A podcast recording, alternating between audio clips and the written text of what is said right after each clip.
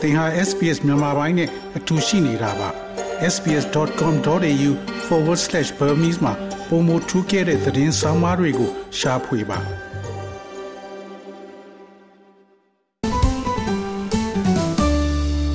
On radio, online and mobile, you're with SBS Radio. Now it's news and current affairs with SBS Burmese. သင်ယခုနားဆင်နေသည့်အစီအစဉ်က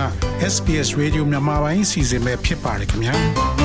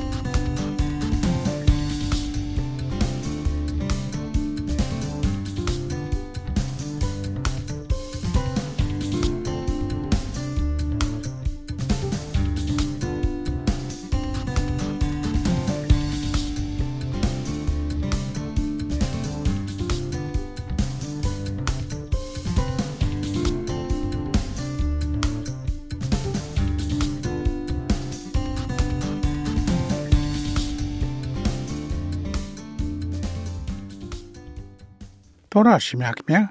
ဖွဲ့စည်းပုံအခြေခံဥပဒေပါဌာနေတိုင်းသားအတန်းကိုလွတ်တော်သို့တင်သွင်းရန်အဆိုပြုချက်ကိုဩစတြေးလျများကပယ်ချခဲ့ပါတယ်။စနေနေ့ကသမိုင်းဝင်ဆန္ဒခံယူပွဲအတွင်းပြည်내6ခုနဲ့မြောက်ပိုင်းနယ်မြေတွင်နိုမဲကိုမှတ်တမ်းတင်ခဲ့ပါတယ်။နိုမဲသည်နိုင်ငံလုံးဆိုင်ရာရည်တွက်မှုမှာအစကတည်းကဥဆောင်နေပါတယ်။ ACT သည် Yes မဲကိုမှတ်တမ်းတင်ရန်အောင်မြင်ခဲ့သောတစ်ခုတည်းသောစီရင်ပိုင်ခွင့်အာဏာနယ်မြေတစ်ခုဖြစ်ပါတယ်။စိတ်ပြည့်နေတဲ့ဝန်ကြီးချုပ်အန်သိုနီအယ်ဘနီစီက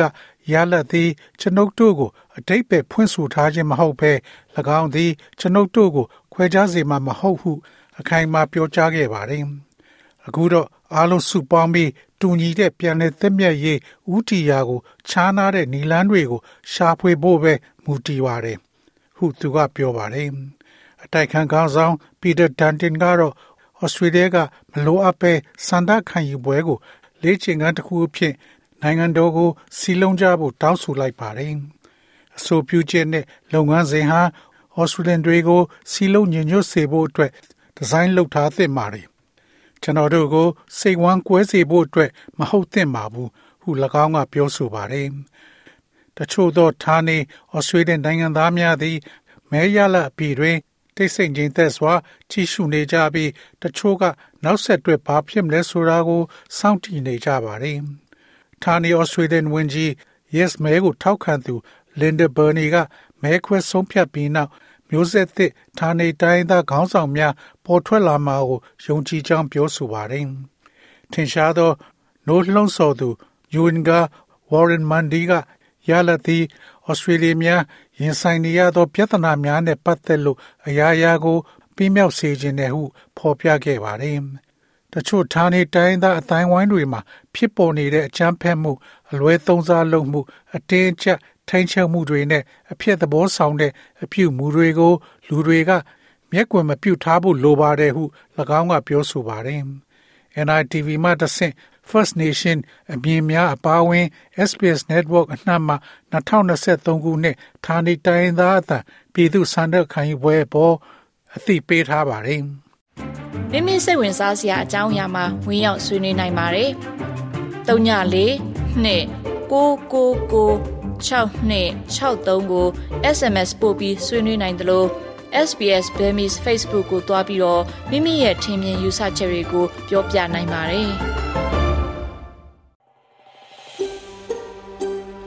ဒါမျိုးသတင်းဆောင်မာတွေကိုပိုနားဆင်လိုပါလား Apple Podcast Google Podcast Spotify တို့မှာသင်ပင်ရာဖြစ်ဖြစ်ရယူတဲ့ podcast ကနေပါ